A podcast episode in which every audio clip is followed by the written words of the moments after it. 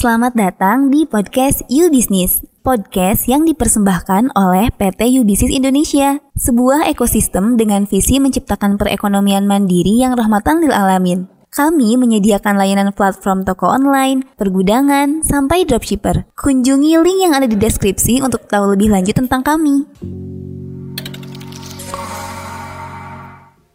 Bismillahirrahmanirrahim. Assalamualaikum warahmatullahi wabarakatuh. Kembali lagi bersama saya Muhammad Salman Al-Farisi. Jadi di suatu sore waktu itu saya dapat mentoring dengan Mas Jaya Budi e, ngebahas banyak hal tapi ada beberapa catatan menarik yang mungkin bisa saya bagikan di sini. Salah satunya e, hasil riset Mas Jaya mengenai syarat pengusaha sukses.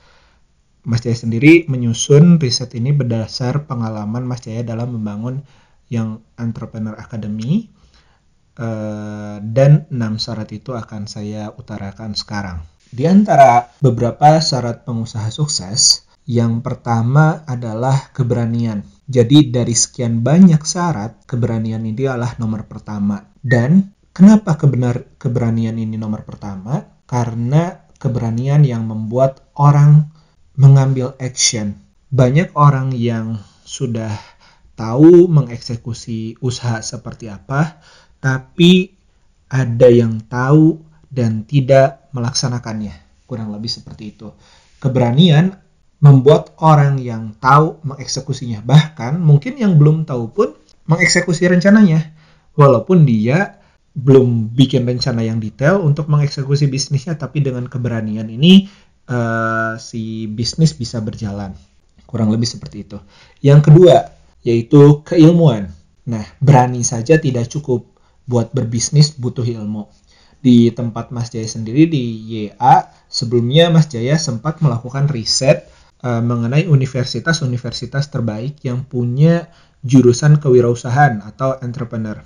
Kebanyakan dari sekolah sekolah di Indonesia sendiri uh, lebih menyasar segmentasi manajemen bisnis. Jadi dari sisi manajemen bisnisnya di mana mungkin beberapa sekolah mengkategorisasi ilmu bisnis menjadi manajemen marketing atau manajemen pemasaran, manajemen sumber daya manusia, manajemen keuangan, dan manajemen produksi misalnya. Nah, sedangkan untuk menjadi pengusaha, terutama pengusaha pemula, semua skill set itu harus dimiliki di waktu yang sama.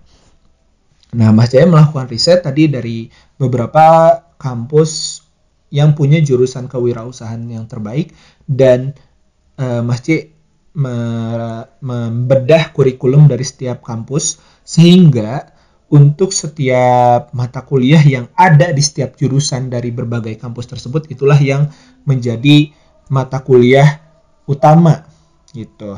Terus uh, setelah keilmuan yang ketiga pengusaha sukses itu butuh kreativitas dengan kreativitas uh, sebagai pengusaha bisa membuat diferensiasi satu produk dibanding yang lain karena ketika tanpa sentuhan kreativitas produk kita atau jasa kita hanya akan menjadi komoditas yang sama di mata masyarakat tanpa ada uh, positioning di benak mereka. Nah, kreativitas ini membuat kita unik, membuat satu jasa dan layanan kita berbeda dari yang lain. Nah, uh, kreativitas itu butuh dilatih dan uh, yang saya sendiri alami, saya mendapatkan poin satu khususnya keberanian, kedua keilmuan dan kreativitas di satu tempat yang sama yaitu di entrepreneur camp. Nah, yang keempat yaitu berbicara mengenai attitude atau adab mungkin bahasa lainnya. Nah, uh, ini yang menarik yang saya temukan di ekosistem You Business di mana di beberapa tempat lain mungkin attitude ini bukan sesuatu yang hal yang sangat diperhatikan. Yang penting mah bisa profit besar, yang penting mah omset melejit, tapi kita nggak ngomongin gimana cara kita mendapatkan profit dan omset tersebut. Nah, uh, setelah mengenal fondasi bisnis berkah, mungkin teman-teman bisa nonton di formulabisnis.id atau di akun Business YouTube-nya atau Jaya Budi. Nah, uh, si adab ini begitu sangat dibahas bahkan ada satu video khusus yang membahas mengenai adab. Nah, di Business sendiri kita punya tujuan menciptakan uh, pebisnis bermoral, karena uh, dengan moralah uh, ekosistem atau alam semesta akan ter tetap terjaga keasriannya, akan te tetap terjaga keseimbangannya. Alam dan uh, sumber daya jadi rusak ketika pebisnis lupa akan adabnya.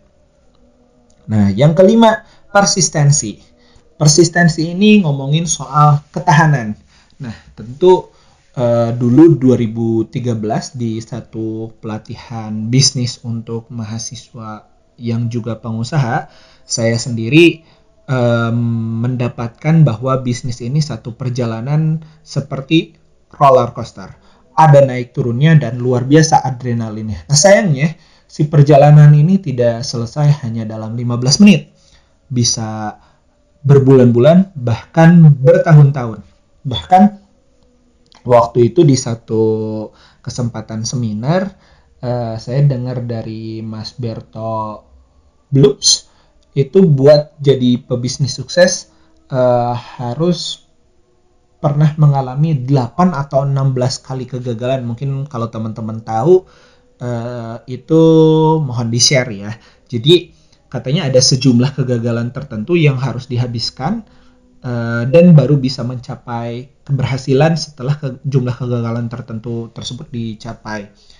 Tiap orang beda-beda, tapi ada jumlah rata-rata yang uh, sudah diriset bahwa ada sejumlah kegagalan tertentu uh, baru orang bisa berhasil.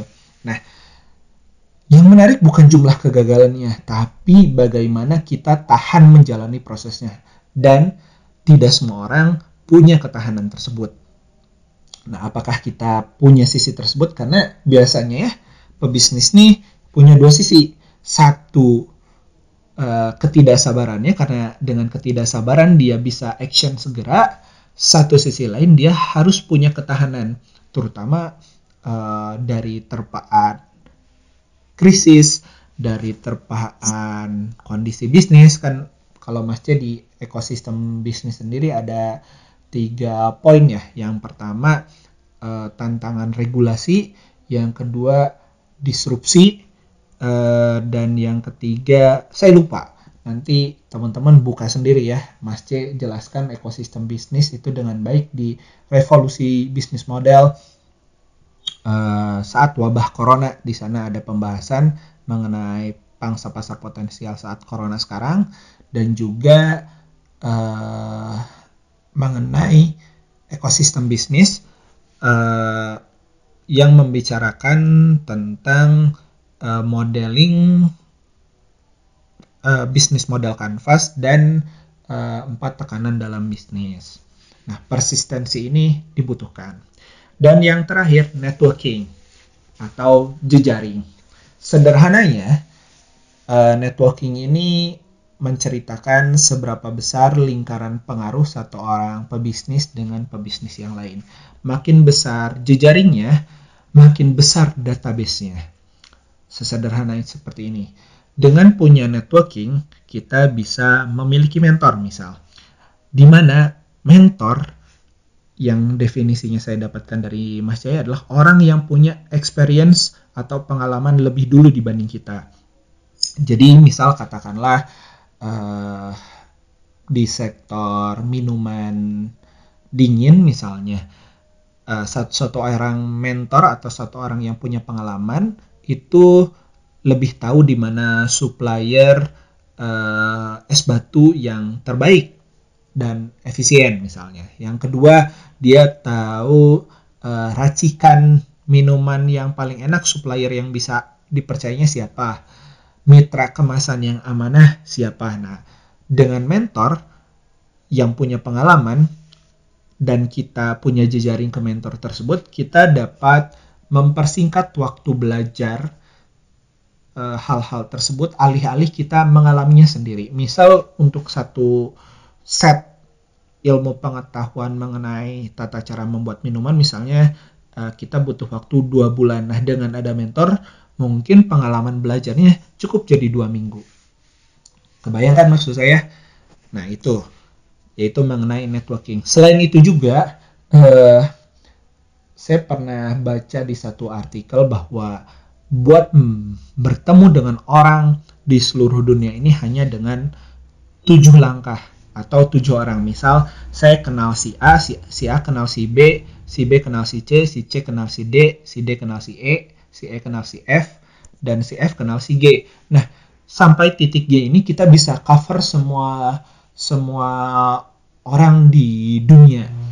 Dengan dengan seperti itu tentu uh, yang jadi kunci adalah seberapa banyak orang pertama yang kita kenal, seberapa banyak orang pertama yang bisa berhubungan baik dengan kita.